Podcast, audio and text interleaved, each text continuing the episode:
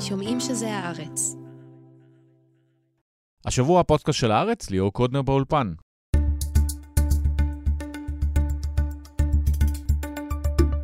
בוקר טוב אה, לכולם, אנחנו התכנסנו היום בהרכב מלא של שופטות ושופטי בית המשפט העליון לדון בשמונה עתירות שהוגשו נגד תיקון מספר 3 לחוק יסוד השפיטה. יותר מ-13 שעות נמשך הדיון בבג"ץ על ביטול השימוש בעילת הסבירות. לכאורה תיקון טכני לחוק יסוד, שהפך למבחן משמעותי לחוזקה של הדמוקרטיה הישראלית. בדקות הקרובות אנחנו ננסה לסכם את הדיון הזה, נדבר על מגילת העצמאות, גבולות הגזרה שיש לכנסת ולממשלה, יחסי הכוחות בבג"ץ וגם על המערכת הפוליטית, שעדיין יכולה לשנות את המצב. איתנו שלושה, נועה שפיגל, שלום. שלום. מיכאל האוזר טוב. שלום.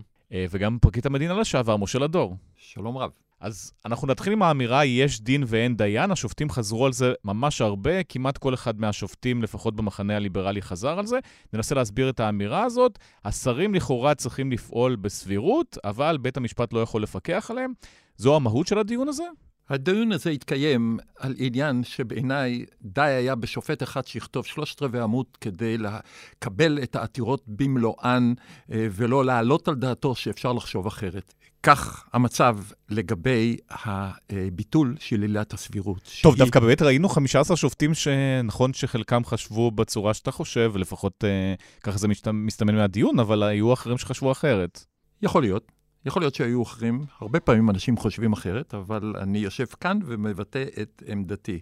עילת הסבירות בעצם אומרת את הדבר הבא, שהשלטון, הרשות, חייבת הרי לפעול על פי חוק במדינת חוק, משום שהיא איננה משוחררת מהוראות החוק, והיא איננה משוחררת משאר הכללים שחלים על רשות שלטונית.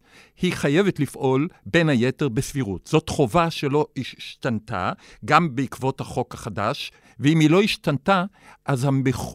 השלטון מחויב בה. אבל הם שינו את החוק, כמו שאמרת. הם שינו את החוק, ומה הם בעצם עשו?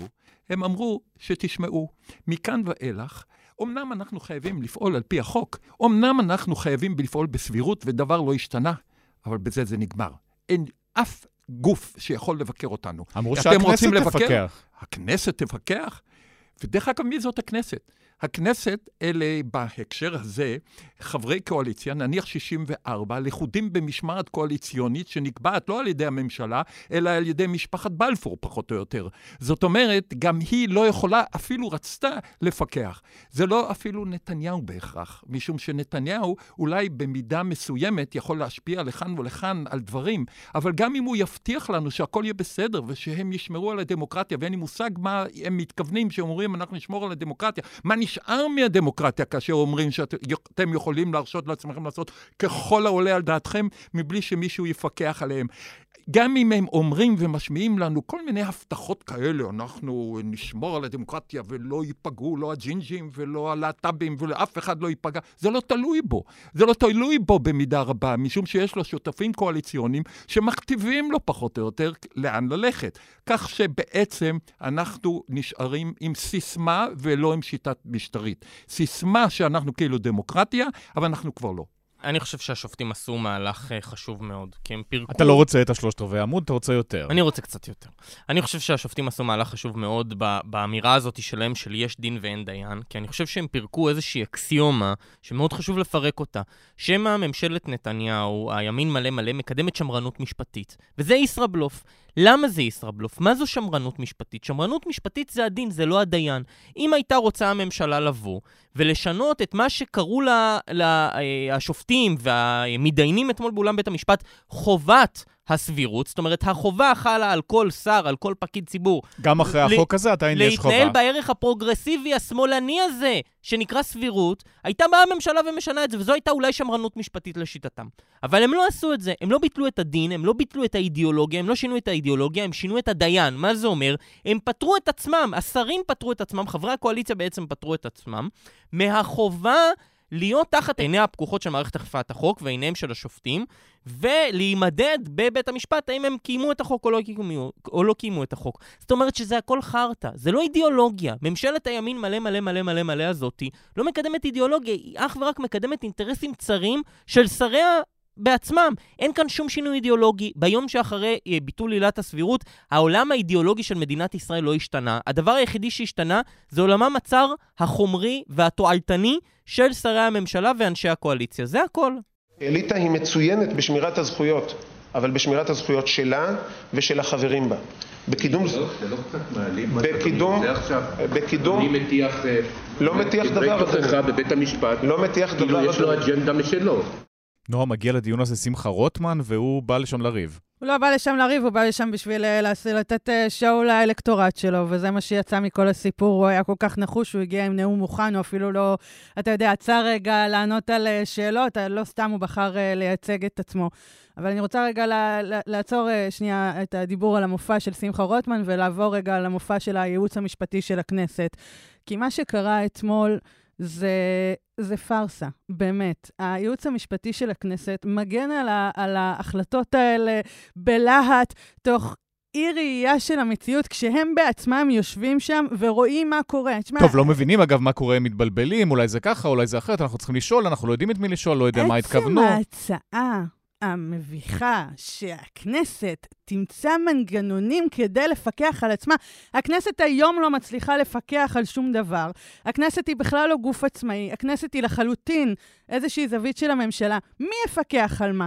זאת אומרת, הניסיון הזה לתת איזשהו אילן לשופטים, אה, ככה לרדת ממנו, של הייעוץ המשפטי לכנסת, שכן, אנחנו נמצא מנגנונים ואיזושהי זווית חיובית. הוא מביך, זה הרי לא יקרה, וגם השופטים, אני חושבת, רובם לפחות יודעים את זה. הכנסת לא מפקחת על שום דבר, הכנסת לא מקיימת את תפקידה. הכנסת מחוקקת אך ורק חוקים שהממשלה הזאת רוצה לטובת שינוי משטרי במדינת ישראל. ולכן גם הניסיון של לא הכנסת... הממשלה, אלא מי שמכתיב בממשלה את... מקבלת אה, את התיקון ראש שלך. הממשלה, בוא נגיד את זה, ראש מקבלת- הממשלה. ראש מקבלת. את התיקון ממשלה, שר המשפטים. של שניכם. ולכן, הניסיון של הייעוץ המשפטי של הכנסת להגיד, והם פרסו את זה יפה ב-130 עמודים שהם הגישו בתשובה לבג"ץ, שאנחנו חייבים להתייחס נקודתית רק לחוק הזה, זה הרי לעבוד על אנשים בעיניים. אין לזה מילה אחרת. טוב, למרות שכל השופטים, אגב, הקפידו להגיד, גם הלא שמרנים מביניהם, בואו נתמקד בחוק הספציפי, זה מה שעומד לדיון, אנחנו לא מדברים על 225 החוקים האחרים שעומדים בפרץ, כי זה לא הדיון, העתירה הזה על החוק הספציפי הזה. זה הסכנה הגדולה.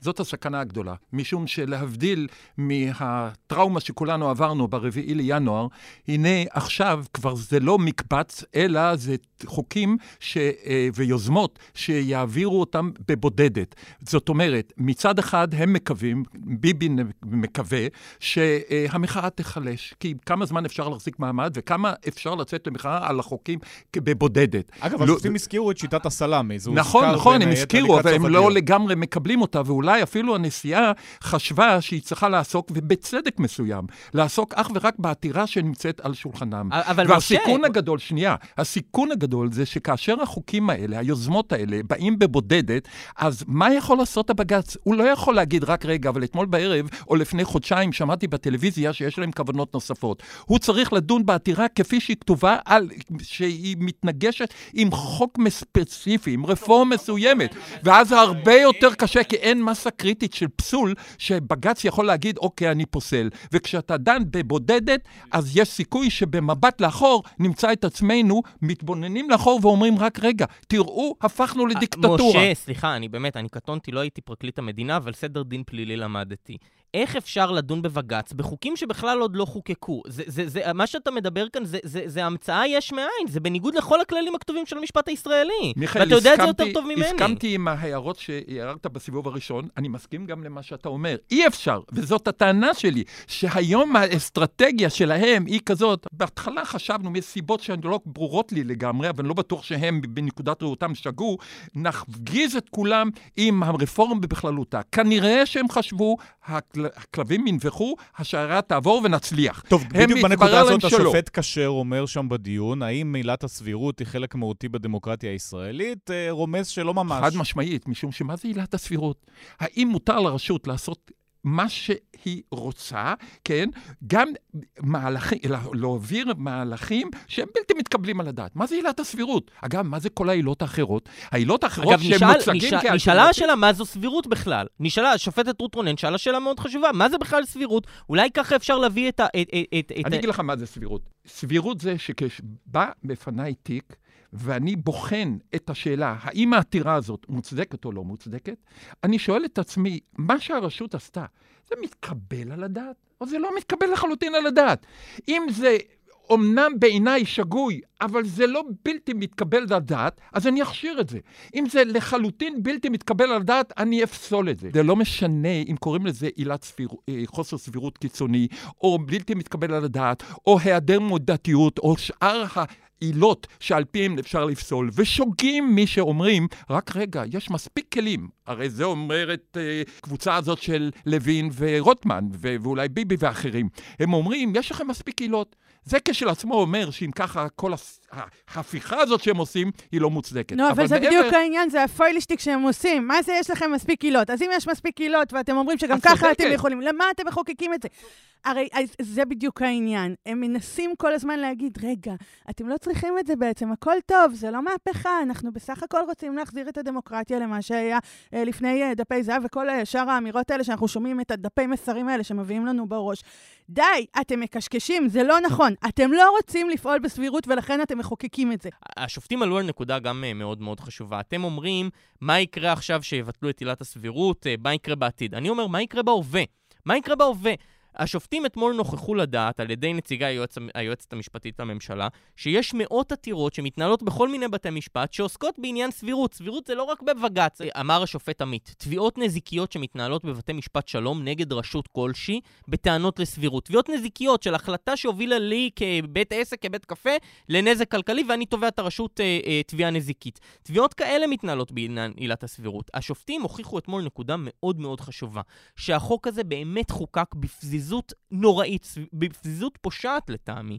אין בחוק הזה הוראת מעבר. מה קורה עם התביעות שמתנהלות כבר עכשיו בגין עילת הסבירות? מה קורה איתן? אין לזה תשובה, השופטים לא יכולים לדעת. שופט יושב עכשיו בערכאה בבית משפט שלום בעכו, ולא יודע איך לשפוט, איך לפסוק, כי אין הוראות מעבר בחוק הזה. אומרת השופטת חיות, יש אלף שאלות שעולות, האם אדוני לא מזמין אותנו לכתיבת החוק מחדש? היא אומרת, כל הדברים האלו נשארים פתוחים, אז בעצם אנחנו כותבים את החוק מחדש. מוסיפה השופטת ברק ארז, חלק גדול מהתשובות של הכנסת דוחפת לעימות בין בית המשפט לבין הרשויות האחרות. מה אומרים השופטים? אתם חוקקתם את החוק בצורה רשלנית וגלגלתם אותו לפתחנו. אתם כמעט מכריחים אותנו להתערב בחוק כדי לפתור את כל הדברים שלא נכתבו בו ולא נוסחו בו. פשוט הקואליציה הזאת זו קואליציה של חובבנים.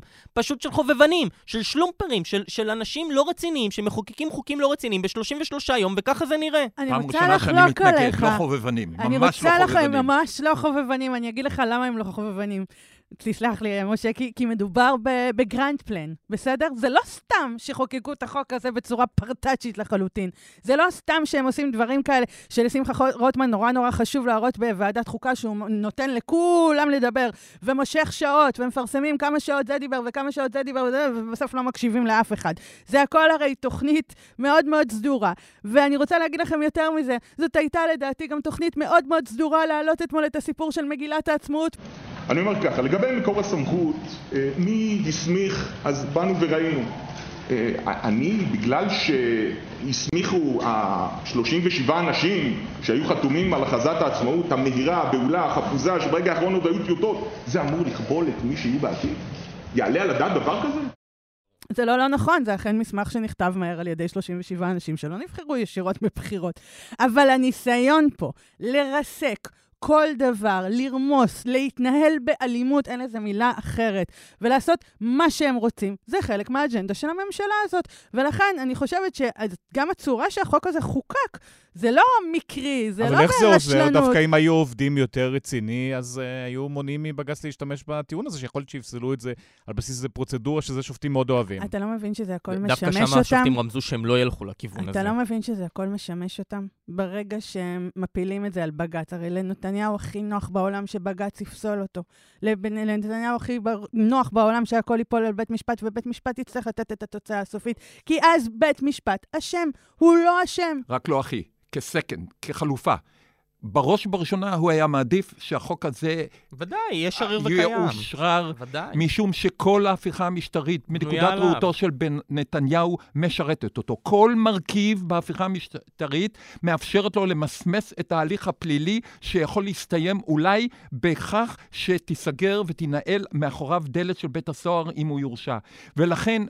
הוא מעוניין, וכך הוא היה מעוניין, וזאת הסיבה אולי המרכזית שהוא הטיל על לוין לצאת ברביעי לחודש עם הרפורמה הזאת, שהוא חשב שהוא יצליח בה. הוא לא ידע שיבלמו אותו. הוא לא שיער, גם אף אחד מאיתנו לא, לא שיער את עוצמת המחאה ואת שאר הביטויים שגורמים להתרסקותה של מדינת ישראל. המפעל הציוני עומד בסכנה אמיתית בגלל המהלכים הכל כך קשים שהם נוקטים בהם והופכים אותנו למדינת חושך לגויים ממדינת אור לגויים. נועה, ת- תקראי לי, תקראי לי נאיבי או תקראי לי ביביסט, אבל אני דווקא חולק על הניתוח שלך שזה הכל במכוון, וכל החרבו דרבו הזה, זה הכל מהלך מחושב של הממשלה. אני, לא חושב שזה המצב כאן. אני באמת באמת חושב ששמחה רוטמן הוא זה שכתב את, החוק הזה בעצמו, ויועציו המדופלמים, אה, שכולנו מכירים אותם, אה, הם ניסחו את החוק הזה. אני לא חושב שזה חוק שנוסח במכוון כדי שייצור כאוס וכדי שבג"ץ יפסול אותו. אני באמת חושב ששמחה רוטמן מאמין באיזושהי תפיסה משפטית דורסנית, כאילו אפשר לחוקק איזשהו חוק טוטליטרי, שלא באמת אה, אה, יעמוד בקנה מידה אה, שיפוטי, ואף אחד לא יוכל אה, אה, להפעיל עליו ביקורת שיפוטית. אני חושב שזו התפיסה שלו. אתה באמת הפוליטיקה חושב לא נתנה לחוק שנתניהו להשתנות. ולוין היו נותנים לשמחה רוטמן לעשות מה שהוא רוצה? כן.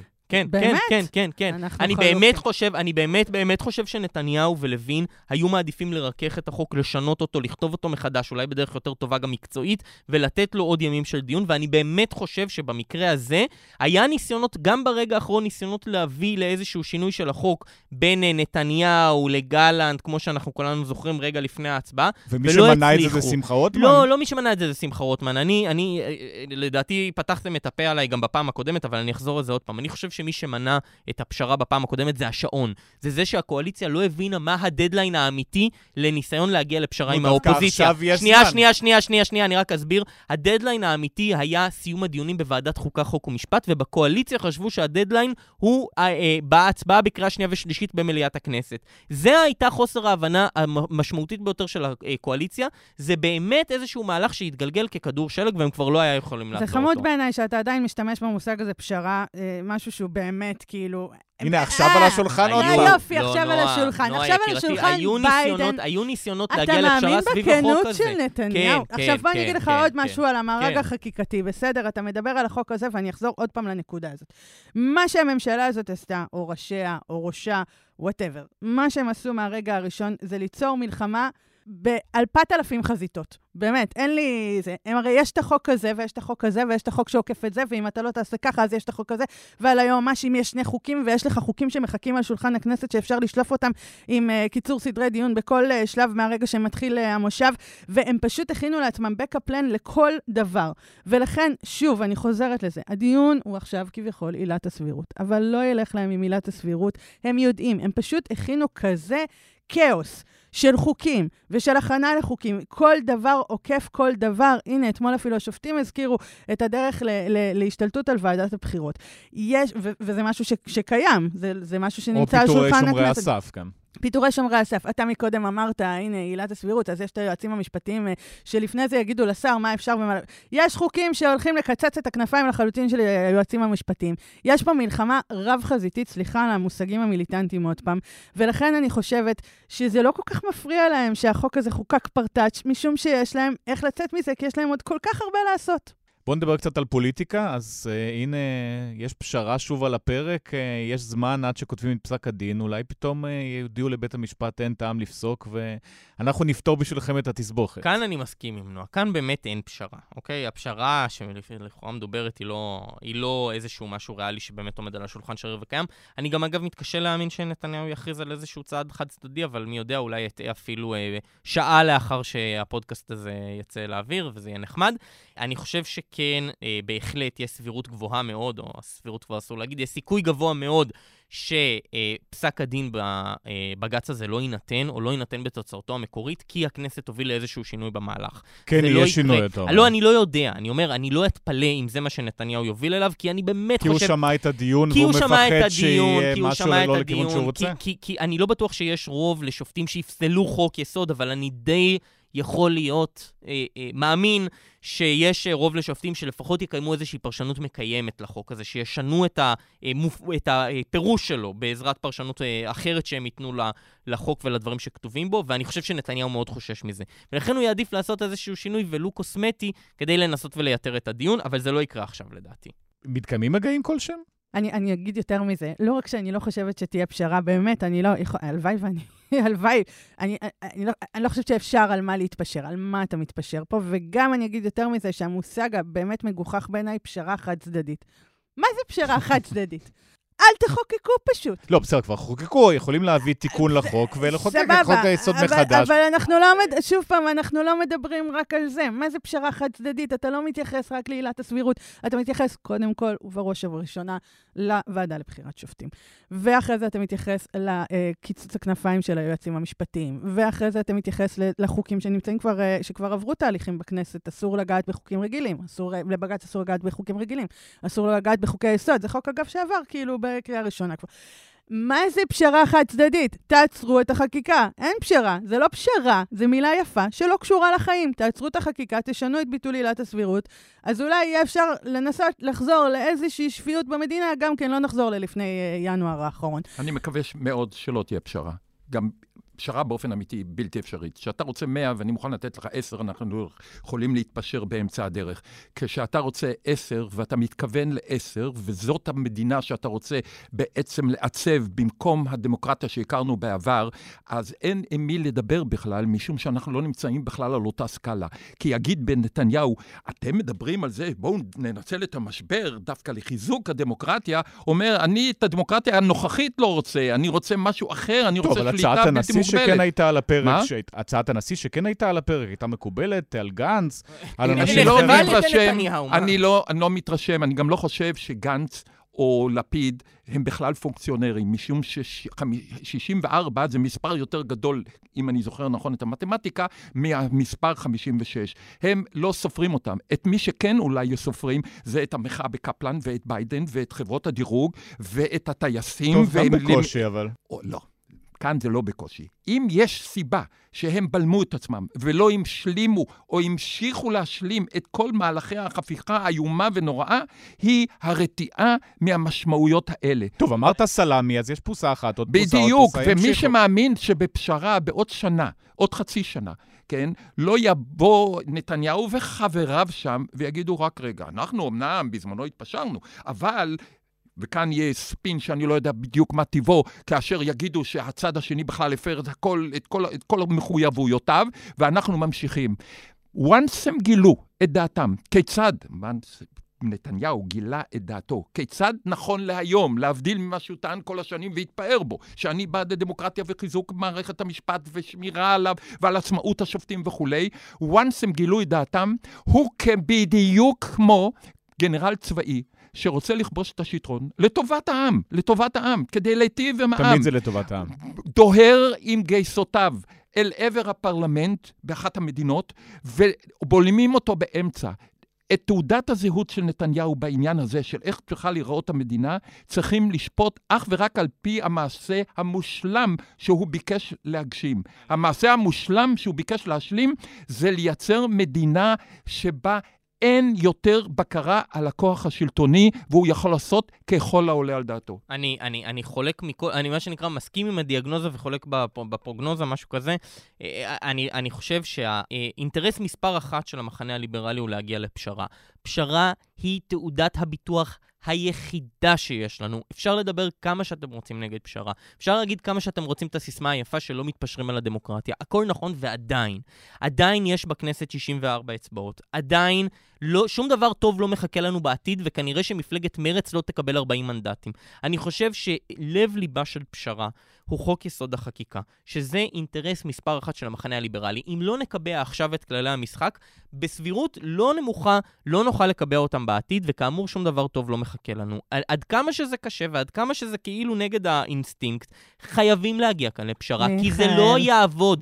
אתם חושבים שבמשך אה, אה, 400 מיכאל. שבועות, רגע נו, אתם חושבים שבמשך 400 שבועות אה, אה, יגיעו לקפלן אנשים אה, בכמויות כאלה ויצאו לרחובות, אתם חיים בסרט. אתם פשוט לא מחוברים למציאות. אבל. אתה, אי אפשר, אבל אתה לא שם לב אפשר. מה קורה, נו באמת. המדינה הזאת, אם המדינה הזאת, רגע, נועה, אם המדינה הזאת תהיה במאבק בלתי פוסק, המדינה הזאת לא תתקיים. זה מאוד מאוד פשוט. מיכאל, בקואליציה יש 64 ידיים שמורכבות מאנשים שרוצים לספח את השטחים, מאנשים שרוצים לגרום לזה שכל החרדים לא יתגייסו. זה נכון שבראש ובראשונה המהפכה המשטרית הזאת משרתת את נתניהו, אבל היא משרתת גם אותם. כי אי אפשר לספח את השטחים בלי לבטל, נגיד, את אה, עילת הסבירות, בלי בכלל להשתיק את בג"ץ, בלי בכלל אה, להתעלם מהעובדה שיש משפט בינלאומי. אין, אי אין אפשר לגרום שתרם, אין לזה- מוסד רגע, שתרם רגע, לסיפוח רגע, השטחים רגע, במדינת רגע, ישראל מיותר רגע, מבג"ץ. היא- בג"ץ הוא תו התקן של, של, של שטחי יהודה ושומרון. ומה יקרה כשלא יהיה בג"ץ? מה אתה חושב? אז סמוטריץ' יגיד, רגע, אה, סמוטריץ' יגיד, רגע, אנחנו הכנסת, אנחנו נבדוק את עצמנו, בוא נעצור רגע את הסיפוח. אתה לא מבין שהשותפים של נתניהו לקואליציה של ה-64 המנדטים האלה לא יוותרו בכל כך קלות. השרירים הקטנים שאנחנו רואים, אה, ראינו הבוקר, שבן גביר מכנס אה, ישיבה אה, על זה שהוא לא מוכן על העניין של האסירים של נתניהו, וזה שפתאום סמוטריץ' מגלה שאוי ואבוי, מדינת ישראל משתפת פעולה עם הרשות הפלסטינית, ומאשרים להעביר להם כל מיני דברים, ולימור סון הר מלך מוציאה הודעה נזעמת על גן. תגיד, כשאתה הולך לעשות פשרה, זה נכון שנתניהו הוא ראש הממשלה, אבל זה גם נכון שכל אחד ממרכיבי הקואליציה, יש לו אינטרס מאוד מובהק במהפכה הזאת, כדי לשרת את האינטרסים שלו, ולקחת את המדינה הזאת למקום שהם רוצים לקחת אותה, שזה באמת מדינה דו-לאומית כנראה, חרדים כאילו, לא מתגייסים. המחשבה כאילו בכנסת הבאה יהיו 70 מנדטים לשמאל-מרכז ונוכל לעשות איזושהי חוקה שתהיה טובה לנו, היא מחשבה נאיבית. היא מחשבה נאיבית. אם עכשיו אנחנו לא נילחם בכל הכוח עד טיפת הדם האחרונה על חוק יסוד חקיקה שיקבע את? כללי המשחק, לא יהיה. אתה יודע לא מה. הבעיה? אתה מדבר במושגים של אה, שמאל-מרכז. אנחנו לא שם. אנחנו לא שם, אוקיי, אנחנו לא אה, של- בשמאל-מרכז. של המחנה הליברלי. מיכאל, לא יהיו 70 אני מנדטים חושב שזו פעם למחנה ראשונה הליברלי, שאני חולק. עליך לא יהיו. ומזהה סכנה איומה למדינת ישראל. להאמין להם זה כמו להאמין שנתניהו, אם הוא יחתום על הסכם ניגוד עניינים, הוא יקיים אותו כראש ממשלה שאחראי על כל השרים וממנה אותם. אני לא רוצה אה, להאמין רק לו, אני רגע, רוצה רק לחוקק רגע. חוק. גורלה של המדינה, גורלו של המפעל הציוני, תלוי בכך שאנחנו נישאר מה שהיינו ולא נהפך למשהו איום ונורא אלטרנטיבי. עכשיו, אני לא משחק במשחק של רולטה אה, רוסית, שיש סיכוי גדול שאני אשאר בחיים, אבל יש גם סכנה שאני לא אשאר בחיים. הנאיביות הזאת, שאם נלך לפשרה, הם יקיימו אותה, הם לא ידרסו אותה בהמשך הדרך, שהאינטרסים שלהם ישתנו. אז מה האלטרנטיבה, שהאינטרס- משה? מה אתה לך, מציע? מה אתה האלטרנטיבה? דיברת על 64 חברי קואליציה.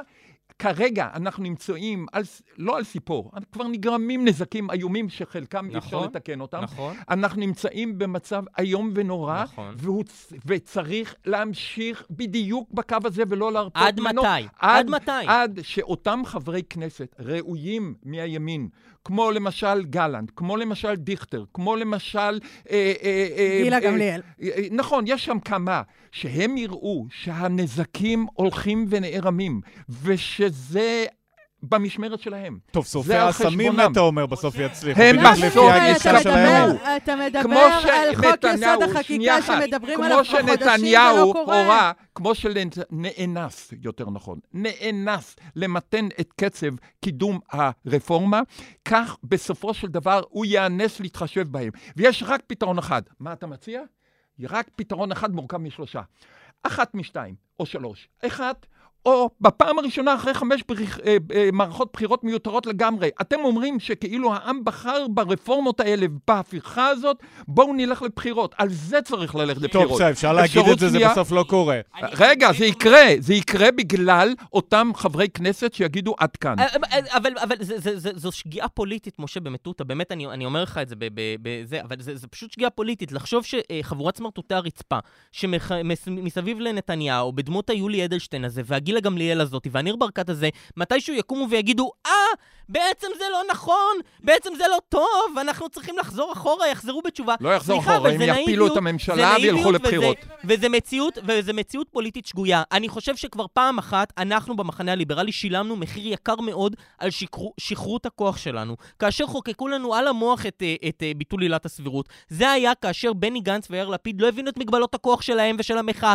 ויש למחאה מגבלות כוח, ונא להכיר במגבלות הכוח של המחאה ובכוחם של 64 מנדטים, ובגלל שהם יצאו מהשיחות בבית הנשיא, נתניהו קיבל קר בלנש ואשראי אה, מ- מדיני חולקת עליך. לחוקק, לחוקק, אשראי מדיני מושכים, בתוך ישראל, היו מושכים את לחוקק- השיחות בבית לחוקק הנשיא. את, אה, את עילת זה הסבירות. משרת רק את נתניהו והיה ממסמס את המחאה. ממש לא. אבל אני רוצה רגע להגיד, זה להכניס לך עוד שלנו, איזה קשקוש, זה לא פקטור. נכון. רוצה להכניס לך עוד פקטור. ואנחנו במדינת ישראל, אתה מתייחס אך ורק למישור הפוליטי, אבל לא קיים רק המישור הפוליטי, ואני רוצה להגיד לך שאני בטח לא מחדשת פה יותר מדי. אבל גורמים ביטחוניים מאוד מודאגים ממה שהולך לקרות פה בקרוב, לא בתלות של מה שאנחנו הולכים לעשות, אלא בתלות של מה שהולכים לעשות לנו. טוב, זה גם ה- נוח להם אבל. מה? לטעון את הדבר הזה בדיוק עכשיו, כדי להגיד בוא נעצור, לא, יש איומים קורה פה. חיצוניים. לא, לא, אבל תראה מה קורה פה מסביב. בוא, אתה שומע את הנאום אה, השבוע של הרמס"ד אה, אה, באוניברסיטת רייכמן, אני חושבת שהרמס"ד, עם כל הכבוד, הוא לא, אה, ראש המס"ד לא, לא בדיוק משתף פעולה עם אה, האינטרסים של נתניהו, כן? יש לך פה גם גורמים... לא, אבל יש לו ש- אינטרס כאנשים מתחת אה, מודאגים מההפיכה המשטרית להגיד, אה, בואו תעצרו את זה, יש בעיות יותר גדולות. גם לו יש אינטרס. לכולם יש אינטרס, בסופו של דבר מדינת ישראל נמצאת במצב ביטחוני בעייתי, ובטח עכשיו. כי, כי, כבר אומרים גורמים בצה"ל, כן, המהפכה אה, פגעה בכשירות של צה"ל. ולכן אני אומרת שאנחנו כרגע פועלים בתוך איזשהו באמת חלל פוליטי, אבל יש גם דברים מבחוץ שיכולים לשנות דברים. ואתה אומר שכינית אותם אה, סמרטוטים של נתניהו, ואני יכולה גם להבין, כי באמת, אה, אה, כל פעם הלב, המוח מסרב להאמין. אתם רואים את הפגיעה בצה"ל, אתם רואים את הפגיעה במדינה, ואף אחד לא עוצר. אני חושבת שאם וכאשר, וייתכן מאוד, יהיה פה איזשהו אירוע מז'ורי, האסימון ייפול. דמוקרטיה לא מתה באיזה כמה מכות חזקות. דמוקרטיה מתה בשורה של צעדים קטנים. למשל, בשביל להשפיע על תוצאות הבחירות, אני לא חייב לשלול זכות בחירה מעורך דין שרגא, רק בשל היותו ג'ינג'י. כן. אני יכול לעשות את זה למשל דרך שליטה על ועדת הבחירות המרכזית. ודרך אגב, זה לא פנטזיה, כי אני מבין שיש כמה הצעות חוק בקנה. לסיום בוא נזכיר את שאלת הלו"ז, אז יש לנו די הרבה זמן במושגים פוליטיים ואולי גם משפטיים. יש לנו עד אמצע ינואר שאמור להתפרסם פסק הדין הזה, וגם במערכת הפוליטית בינתיים יכולים ללכת לפה ולפה. חוק הגיוס שעולה מיד אחרי החגים ומה שלא יהיה משיטת הסלאמי. כן, אז אה, מה שעומד אה, לפתחנו, חוץ מהדיון בנבצרות, אה, הוא גם תחילת הכנס הבא, והחרדים, שכרגע כל מה שמעניין אותם, וזה הכיוון שהם הולכים אליו, זה באמת חוק ההשתמטות, ברשותך. כי הוא לא הולך לגייס אף אחד, רק לגרום לאנשים לא להתגייס. אז יש פה עוד אירועים פוליטיים מז'וריים שהולכים לקרות אה, ב- בחודשים אה, הקרובים. אנחנו כאילו אחרי איזשהו, אתה יודע, קליימקס אחד, אבל, אבל יש עוד את הדיון בנבצרות. זה הדיון שחשוב לנתניהו. כי הוא מפחד שיוציאו אותו לנבצרות במידה של צדק או לא של צדק. הוא, הוא גם מפחד שיוציאו אותו לנבצרות, וגם, הוא, אני לא חושבת שנתניהו מרשה לעצמו כרגע להפסיד באיזשהו קרב, ואולי זאת גם החולשה הגדולה. הוא פתח כל כך הרבה קרבות לכל כך הרבה כיוונים, שאני לא רואה איך אפשר לנהל את האופרציה הזאת. אה, הוא פשוט נלחם בכל כך הרבה חזיתות, כשיש לו מלחמה גם מבית. זאת אומרת, שוב, החרדים, יש לו את אה, בן גביר, יש לו את סמוטריץ', יש לו כל כך הרבה בעיות. אבל כן, הוא גם לא רוצה להצטייר כחלש, ולכן הוא לא הולך לתת לבית משפט, אלא אם כן זה משרת את האינטרסים שלו, שבית משפט יחליט, לא הולך להפסיד להם בשום כיוון, וזה לפחות מה שהוא מנסה. נועה שפיגל, מיכאל האוזר טוב ומשה לדור, תודה רבה. תודה. תודה.